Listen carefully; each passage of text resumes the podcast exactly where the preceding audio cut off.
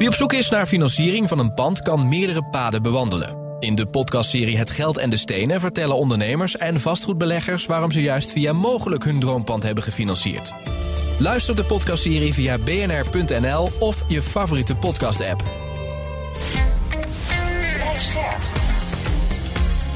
BNR Nieuwsradio. Vastgoed gezocht. John van Schagen en Maarten de Gruiter. Zo'n 30 jaar geleden was het nog één grote zandbak. Toen kwamen de bouwkranen en zo veranderde de skyline in een lang lint met wolkenkrabbers. Je vindt er zelfs het hoogste gebouw van de wereld. De vraag van deze week: hoe interessant is Dubai nog om te beleggen in vastgoed? Dit is Vastgoed Gezocht, jouw wekelijkse update over de wereld van de stenen. Je hoort ons elke maandagavond op BNR en altijd online via de app en bnr.nl. Maar de Bouwhuis is er niet, die is in Denemarken. Ja, misschien wel om een pandje te kopen, wie zal het zeggen? Ik ben John van Schagen en naast mij staat wel Maarten de Gruiter, zoals altijd veel beter gekleed dan ik. Maarten, van harte welkom weer. Dankjewel. Ja, we beginnen deze aflevering met uh, huisvesting voor arbeidsmigranten. Uh, het FD heeft daar een stuk over. Nou, het gaat eigenlijk om uh, over het feit dat uh, die huisvesting de hele tijd mislukt. Hè? Dus dat ze dat niet van de grond kunnen krijgen. Uh, je, ja, je ziet wel heel veel overeenkomsten met nou ja, de gewone woningbouw. Hè? Het enorme not in my backyard principe. Maar ja, dat hebben we natuurlijk eigenlijk op dit moment met alles. Het is logistiek, het is de datacenter. Niemand wil het in zijn eigen achtertuin, maar het moet er wel zijn. Ja, dit is ook een, een interessante. Dus er zijn natuurlijk bepaalde ontwikkelaren die zich daarop richten. Die meestal ook wel uit die sector komen. En die proberen ja, gewoon goede huisvesting te regelen voor die arbeidsmigranten. En dat, dat, ja, er is zoveel uh, weerstand tegen. Misschien wel even aardig om te vertellen. De eerste drie alinea's van dat stuk wordt ene Kees van Doorn gequote. Hij is de eigenaar van Van Door Living. En hij vertelt dan hoe dat op zo'n informatieavond gaat. Hij legt daar zijn plan uit, heeft een aantal slides, gaat ook met buurtbewoners in gesprek. Maar dan komt er één iemand tussen en uh, ik quote even: uh, hou op met praten. Ik wil één ding van je weten. Stop je met dit plan of ga je door? Nou, dan probeert die man nog uit te leggen dat dit een informatieavond is. Maar eigenlijk zie je dat de stemming daarmee omslaat. Andere buurtbewoners gaan met de man mee. En vervolgens moet hij uh, even later ook nog op een regionale nieuwssite lezen. dat de tegenstanders vinden dat ze gebrekkig worden geïnformeerd. Dus dit geeft ook wel het sentiment weer wat er bij dit soort projecten komt kijken. Ja, het is, het is, het is echt wel. Ik, ik moet zeggen, als ontwikkelaar is het uh, een beetje tenenkrommend. Je, je, je kan de irritatie lezen. Dan moet ik wel eerlijk zijn, zeggen dat. Uh, journalistiek gezien, ja, we, we horen hier de ontwikkelaar, niet de mensen die daarbij waren. Ja, waar dat is het waar. gaat. Hè? Dus, Ja. dus, dus dat weten we niet. Uh, maar je, je, ja, het, het is een heel lastig um, verhaal. Want die mensen hebben dus gewoon nodig. Ja, tenzij we als ma- maatschappij zeggen van nou, we stoppen maar helemaal met die fruitteelt. Ja, even het beeld schetsen. We hebben in Nederland op dit moment zo'n 800.000 arbeidsmigranten. Veelal actief in de agrarische sector, maar ook uh, in de horeca bijvoorbeeld. Nou ja, je merkt het zelf natuurlijk gewoon. Uh, ja, ga maar ergens op een terrasje zitten en bestel wat. Ja, dat zijn heel vaak natuurlijk geen Nederlanders die daar werken. Ja. Maar hebben die omwonenden misschien ook niet ja, ergens een punt? Want uh, bij mij in de buurt zit ook een vakantiepark. En twintig jaar geleden zaten daar nog mensen die vakantie aan het vieren waren. Inmiddels vooral Oost-Europese arbeidsmigranten. Ja, en er is toch wel heel veel overlast. Nee, dat begrijp ik heel goed. En, maar daarom juist denk ik dat dit soort initiatieven... waarbij je een, een, een, een goede opzet van zo'n nou ja, bijna wijkje, zal ik maar zeggen... met de goede voorzieningen, uh, uh, wat ook controleerbaar is... Um, dat je dat juist zou moeten toejuichen. In plaats van dat het op zo'n groot uh, terrein ergens in, in the middle of nowhere... zo'n um, zonder toezicht. Zonder toezicht. Ja, ik denk dat je dat juist, dat je dit zou moeten stimuleren. Ja, en het is gewoon heel erg... Um, ja, we, we weten eigenlijk dat het wel nodig is. Dat deze mensen die dus ook tegen zijn, ja, die wonen notabene midden in het gebied wat, wat een groot gedeelte van zijn welvaart, zal ik maar zeggen, te danken heeft aan die industrie. Ja, ja, oké, okay, ga dan niet, ben er dan tegen, ga er dan wel werken. En zeg tegen je kinderen dat ze er moeten gaan werken. En, die, ja. En, en, ja, het plukken van de tomaten, Dat zal in de praktijk waarschijnlijk niet gebeuren. Nee, prees. Dus nee. het is een beetje, ja, wat, wat wil je? En dat is natuurlijk met al dit soort... Het is een heel mooi voorbeeld weer van het, uh, het, het, het NIMBY-gehalte in Nederland. Vastgoed gezocht. Dubai is al jarenlang een magneet voor vastgoedbeleggers uit de hele wereld. Van grote projectontwikkelaars die hotels neerzetten tot mensen die uh, ja, een beetje geld over hebben en dat willen investeren in een appartement. Nou, hoe werkt dat daar? En niet onbelangrijk, wat zijn de risico's? Dat gaan we vragen aan Amir Raza van Dubai Invest. Jij bent eh, actief als makelaar in het Emiraat, nu nog in Nederland, maar je gaat er straks ook naartoe verhuizen. Dat klopt. Van harte welkom. Dankjewel. Um, kun jij voor ons die vastgoedmarkt in Dubai eens beschrijven? Um, wordt er nog steeds heel veel gebouwd? Hoe zit het met de prijsontwikkelingen? De vastgoedmarkt in Dubai, dat is net een beetje anders dan wat wij hier in Nederland zien. Uh, als we kijken naar de traditioneel beleggen buy to let, dan uh, zijn de gemiddelde rendementen die, die vorig jaar zijn gemaakt, dat lag op 9,2 procent. Dat is gemiddeld. Zo. Dus dat is behoorlijk. Ja. Uh, en ja, op sommige locaties zijn de, prijzen, de huurprijzen dan hè, zelfs verdubbeld ten opzichte van 2021. Dus in een behoorlijk korte periode is, is die huurmarkt echt uh, vrij omhoog gekomen. Ja, en dat heeft ook wel te maken met de coronacrisis. Hè? Want daardoor zijn heel veel mensen uit uh, Europa uh, daar naartoe gegaan. En ook de aanwas van Russen het afgelopen jaar. Dat klopt helemaal wat je zegt. de, dat heeft niet alleen te maken met ja, de huren die zijn gestegen, maar ook de vastgoedprijzen in het algemeen. Wat jij dus net aangeeft, hè, die coronapandemie. Dubai die heeft een, een harde lockdown gehad van ja, pak een beetje zes weken. Uh, daarna ging nagenoeg alles weer open. Mensen mochten ook weer inreizen. En uh, wat hebben we toen gezien? Ja, welvarende mensen die uh, niet opgesloten wilden zitten, die zijn toen gaan reizen naar Dubai. Die konden toen toch genieten van het zonnetje en doen wat zij in hun thuisland niet konden doen. Ja, en die hebben hun bankrekening meegenomen en dat heeft de prijzen dus uh, ja, omhoog doen. Ja, ja, ja, ja. En, een, en een groot gedeelte van deze groep die is blijven hangen of die is op korte termijn weer teruggekomen om zich uh, ja, daar te nestelen of uh, om hun bedrijven daar te vestigen. Want ik bedoel, het is toch een omgeving, een economisch klimaat waar je nagenoeg geen belasting betaalt. Uh, dus dat heeft inderdaad gezorgd voor een grote influx van, uh, ja, van buitenlanders ja. naar Dubai toe. En stel nu, ik als Nederlander wil daar iets kopen. Dan zijn er geloof ik twee mogelijkheden. Je hebt een zogeheten off-plan aankoop en een ready property. Dat klopt. Leg uit. Ja, off-plan dat is in principe nieuwbouw. Kijk, in Dubai wordt er vrij veel gebouwd. Dus heel veel verkoop, dat is nieuwbouw. Uh, in principe hoe het werkt is, uh, ja, je krijgt dan een brochure te zien. Je hebt natuurlijk niks fysieks wat je kunt zien. Hè. Er zijn meestal wel van die show-appartementen die je kunt bezichtigen. Dus dan heb je al een beetje het idee van de finishing en hoe, het, hoe de kwaliteit is.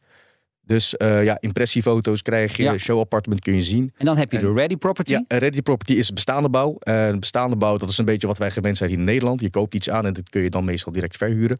Uh, bij, de ready, bij een ready property heb je wel de keus om, om een hypotheek te vestigen ook, eventueel. En off-plan, dat is meestal met een betalingsplan, dat noemen we een payment plan. Meestal werkt het zo dat jij dan bijvoorbeeld 10, 15 procent aanbetaalt, een down payment doet. En uh, vervolgens heb je een betaalschema van, laten we zeggen, per drie maanden een, een x percentage wat je betaalt tot de oplevering. En afrekenen, gaat dat dan grotendeels in cash? Of plan, dat, is, uh, ja, dat gaat altijd via derde geldenrekening. Dus dat kun jij, uh, hoe jij dat zelf zou willen betalen, dat kun je doen. Dus via een bankoverboeking. Maar de meeste ontwikkelaars zijn ook crypto-vriendelijk. Je kan ook in crypto's betalen. Uh, je ja. kunt in crypto's een huis kopen dat in klopt, Dubai. Dat klopt. Je kan volledig in crypto's een woning kopen. Volledig ook? Volledig, ja. Ja, ik, uh, ik kijk even naar Maarten. Daarin lopen ze toch wel uh, voorop, moet ik zeggen. Ja, Maarten. nou ja, dat, is, dat kun je natuurlijk wel zo stellen. Nou is crypto natuurlijk ook wel per definitie... of het is natuurlijk ook bij uitstek het betaalmiddel... wat ook in een grijs of... Uh, crimineel circuit plaatsvindt. Ja. ja, daar gaan we straks nog even ja. stippen we dat aan. Want hoe zit dat? Kan ik uh, wel hier in Nederland of kan ik in Dubai een hypotheek afsluiten? Of werkt dat niet zo? Jij kunt in Dubai een hypotheek afsluiten op basis van jouw inkomen in Nederland. Dat zou kunnen. Ja, ja. Bij een, een lokale bank? Bij een lokale okay. bank, ja. Want een Nederlandse bank zal mij geen... Een, een Nederlandse bank zou jou geen hypotheek gaan verstrekken... voor het kopen van vastgoed in, uh, überhaupt in het buitenland. En, en wat, voor, wat voor rentepercentage moet je dan denken bij, op dit moment in, ja, in Dubai? Als jij non-resident bent, dus je bent uh, gewoon inwoner van Nederland... dan betaal jij tussen de 5,5 en 6,5 procent rente. En een maximale LTV van 50 procent wat je kunt krijgen. Ben je wel een resident, dan kun je een maximale LTV van 80 procent krijgen... en dan liggen de rentes ook net wat lager. Dan zit je tussen de 4,5 en 5,5 procent. Oké, okay, dus je rentes zijn wel vergelijkbaar met wat je... Ja, heel vergelijkbaar inderdaad, ja. ja. Een heel belangrijk verschil met in Nederland, uh, en je gaf het net inderdaad ook al aan, je betaalt in bepaalde zones geen belasting, uh, helemaal geen belasting, dus ook niet over je vastgoed. Over vastgoed betaal je geen belasting. Gewoon in, in, het hele gebied. Vastgoed in het algemeen is totaal vrijgesteld van belasting, inderdaad. En jouw, jouw eigen, als je kijkt naar jouw businessmodel, um, is er een verschil met jouw verdiensten ten opzichte bijvoorbeeld van wat wij kennen in Nederlandse makelaarstarieven? Uh, in principe is, uh, ja, de courtages liggen daar wat hoger. Uh, en er is natuurlijk veel meer handel. Er wordt heel veel gebouwd en de vraag is heel hoog. Dus ja, en je zegt courtage is iets hoger, dan praten we over... Ja, het verschilt hè, tussen de 2 en 4 procent meestal. Dus als Ja. ik nou na de uitzending bij jou een, een, een- woning koop, dan wat, wat betaal ik dan? Ja, het ligt eraan wat je koopt. Kunnen we het Want wat, wat zijn de prijzen gemiddeld? Kijk, in principe als jij iets koopt... Kijk, heel veel mensen hebben een beeld bij Dubai. Hè, als je daar gaat investeren, dan moet je minimaal een paar miljoen meenemen... voordat je wat kunt kopen. Nou, Dubai is meer dan alleen downtown en de Palm. Dubai heeft heel veel wijken die interessant zijn voor beleggers. Dus eh, een klein studioappartementje wat heel goed rendeert... koop je al vanaf, eh, laten we zeggen, 150.000 euro. Daar kun je al instappen. Oké, Ja, en dan... eh, 150k, daar heb je in Amsterdam niets voor. Nee, maar 150, w- w- wie woont er in een appartement van 150? Ja, dat zijn studioappartementen. En eh, ja, wat wij dan vaak voor onze klanten doen, eh, is eh short-term rentals. Dus eh, het zijn toeristen die voor langere tijd komen. Het zijn mensen die net komen vestigen en die nog een plek moeten vinden, die tijdelijk willen huren. Mensen zoals jij, die in september richting eh, Dubai gaan met hun hele gezin. Ja, ik ga dan niet met mijn gezin in de studio zitten. Ik heb gelukkig wel een, een leuk Ja, voor mezelf. Met maar- die courtages kun je natuurlijk gewoon meteen in een dikke ja. villa gaan zitten natuurlijk. Ja, ja, ja. Ja. Maar het werkt net een beetje anders. Hè. In Dubai is het, heel, is het vrij normaal dat jij de jaarhuur in één keer vooruit betaalt als je een, als je een jaarcontract afsluit. Ja, in Ah, Nederland betalen we natuurlijk per maand. Hè.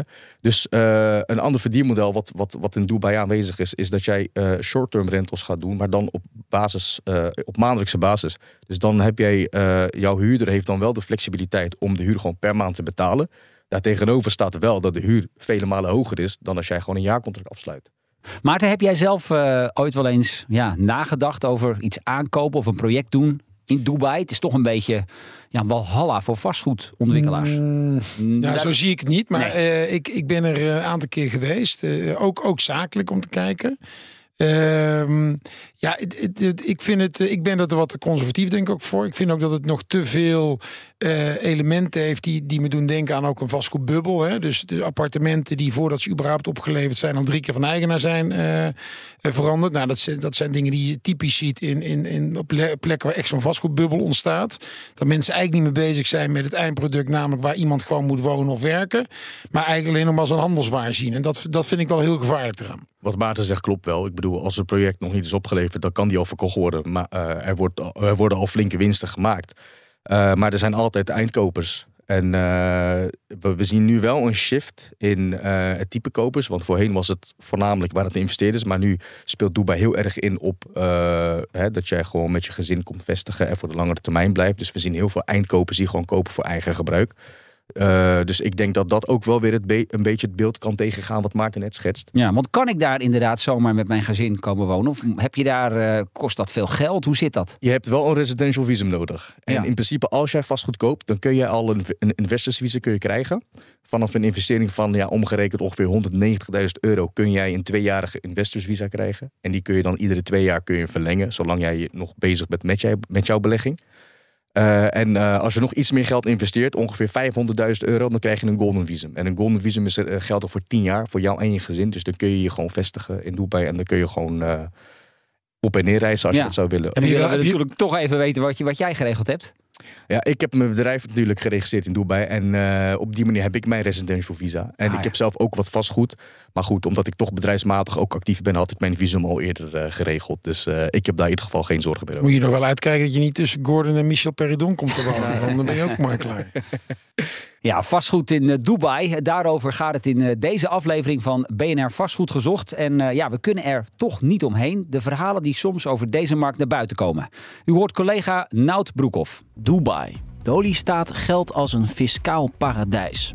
Er wordt nauwelijks belasting geheven en mensen die er investeren blijven grotendeels onder de radar van buitenlandse opsporingsdiensten. En ja, dat trekt ook bepaalde lieden aan. Geld is zo relatief eenvoudig wit te wassen. Sinds vorig jaar staan de Arabische Emiraten op een zogeheten grijze lijst van de Financial Action Task Force. Voor Dubai geldt met name het gebrekkige toezicht op de vastgoedsector. Landgenoten die daar een appartement hebben gekocht, moeten dat eigenlijk opgeven bij de Nederlandse fiscus. Maar feit is dat die dit niet kan controleren. Zo af en toe halen verhalen over zwendelaars de publiciteit. Zoals deze. Investeren het palmeiland van Dubai. Beleg in onze vastgoedobligaties met een gegarandeerde rente van 9%. Palm Invest. Weet u het nog?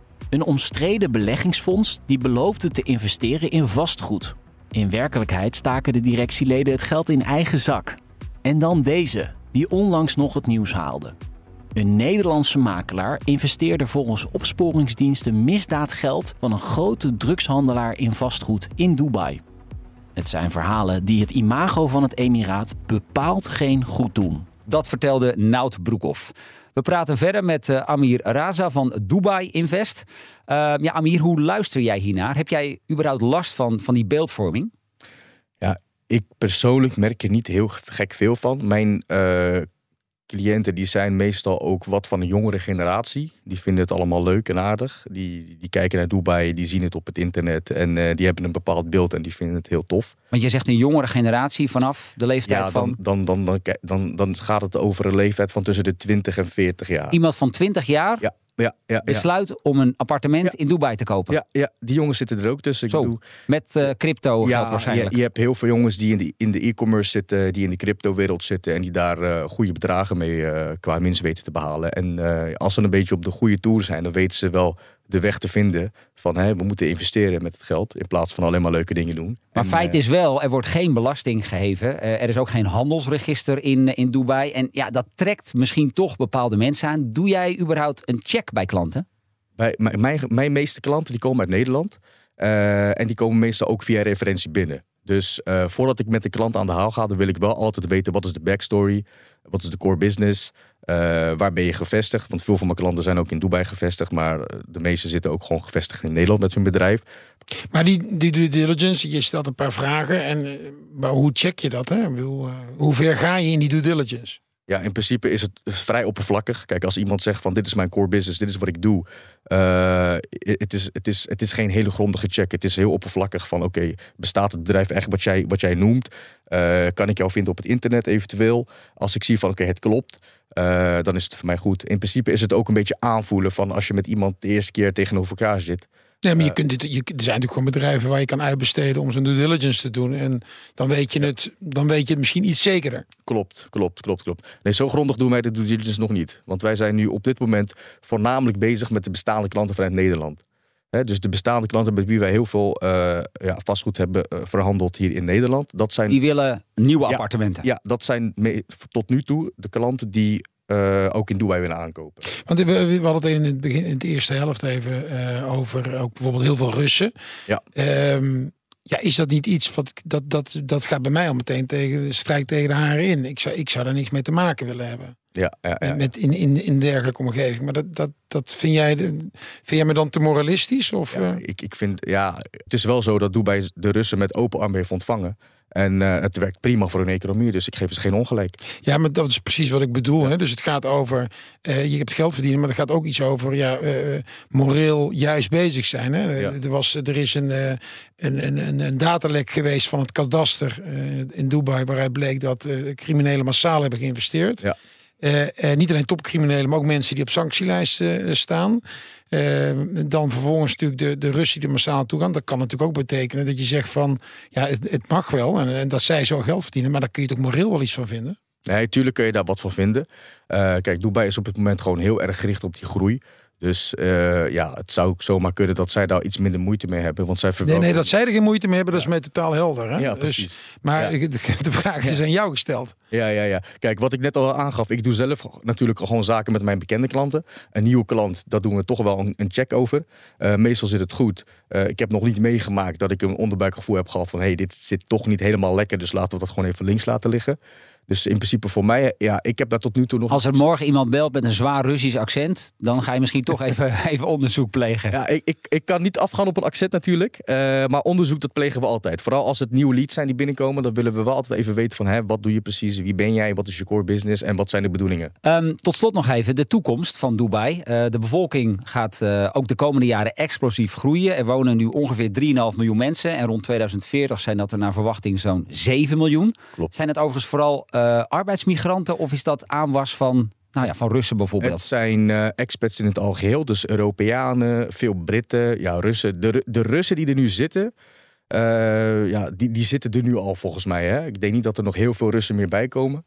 Eh, maar het zijn ook heel veel Canadezen die nu steeds meer die kant op gaan. Eh, mensen uit Australië. Maar dat betekent wel dat er ook de komende 20 jaar volop gebouwd gaat worden. Ehm, er komen heel veel appartementen bij. Hoe groot is het risico dat ik zo'n appartement koop En dat dat vervolgens eh, een aantal maanden in het jaar leeg staat, waardoor mijn rendement verdampt. Ja, hele goede vraag. Het ligt natuurlijk heel erg aan de locatie waarin je koopt. Kijk, eh, op zich. Maar voor eh, 150k zit ik eh, niet eh, downtown. eh, Nee, je zit, je zit zeker niet in downtown. Maar ik bedoel, dan target je ook niet op, op, op, op, op high-end toerisme. Dan target je meer op of arbeiders of eh, eh, ja, backpackers bijvoorbeeld, die toch gewoon goedkopere accommodatie zoeken. Eh, maar goed, eh, in het algemeen. Eh, wat je net zegt ook, hè, die groei van die populatie. Ja, ik bedoel, eh, er wordt heel veel gebouwd. Dat is één. Dat ziet iedereen. Eh, maar de mate waarin er gebouwd wordt en de mate waarin de vraag toeneemt, ja, dat ligt nog, nog een stuk uit elkaar.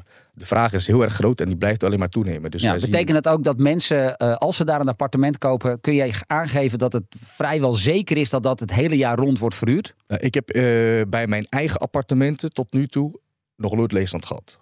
Die, die 150 even, want dat is natuurlijk dat is echt de ondergrens, zeg je. Klopt. Eh, eh, om een beetje een indruk te krijgen, wa- wa- wat is meer een beetje het gemiddelde? Waar het, waar, wat het- om een indruk te krijgen waar het meer Ja, over gaat. Dat, dat ligt heel breed. Ik bedoel, dit is een beetje de onderkant van de markt. Maar ik bedoel, als je kijkt naar de bovenkant van de markt, dan ga je naar de tientallen miljoenen. Dus een gemiddelde is heel moeilijk te geven. Ja. Maar als we kijken naar eh, een, een beetje de, ja, de gemiddelde, gemiddelde appartement wat je zou kunnen kopen voor belegging. Eh, wij praten dan over studio's voor 150k. Maar als je kijkt naar een one bedroom, dan ga je al richting de 250, richting de 3 ton. En dan is het heel erg afhankelijk van welke locatie koop je. Want dat is alles bepalend voor de vierkante meterprijs. Ja. Nu, nu willen we dus twee, één, één of twee kamer, maar wel downtown. Dus wel gewoon een beetje op een goede plek. Wat, Ja. wat, be- wat betaal je dan? In downtown, als we praten over een, eh, een one, one bedroom apartment, dan zit je toch wel richting de 3,5, 4 ton. Maar ik ken die huurmarkt daar natuurlijk niet. Dus kan ik jou dan vervolgens ook inschakelen om ervoor te zorgen dat daar mensen in komen? Ja, wij werken ook samen met property management eh, companies. Dus die zorgen ervoor dat, eh, dat het beheerd wordt en ten alle tijde verhuurd is. Ik zit even te kijken, Maarten. Moeten we misschien na de aflevering toch maar even om tafel nog gaan zitten Ja, met, met een koffie erbij? Nou, wat, wat, het- wat natuurlijk het interessant maakt, is de demografie. Hè? Dus, de, dus dat, je, eh, dat, dat, die, dat, dat het nog zo hard gaat groeien.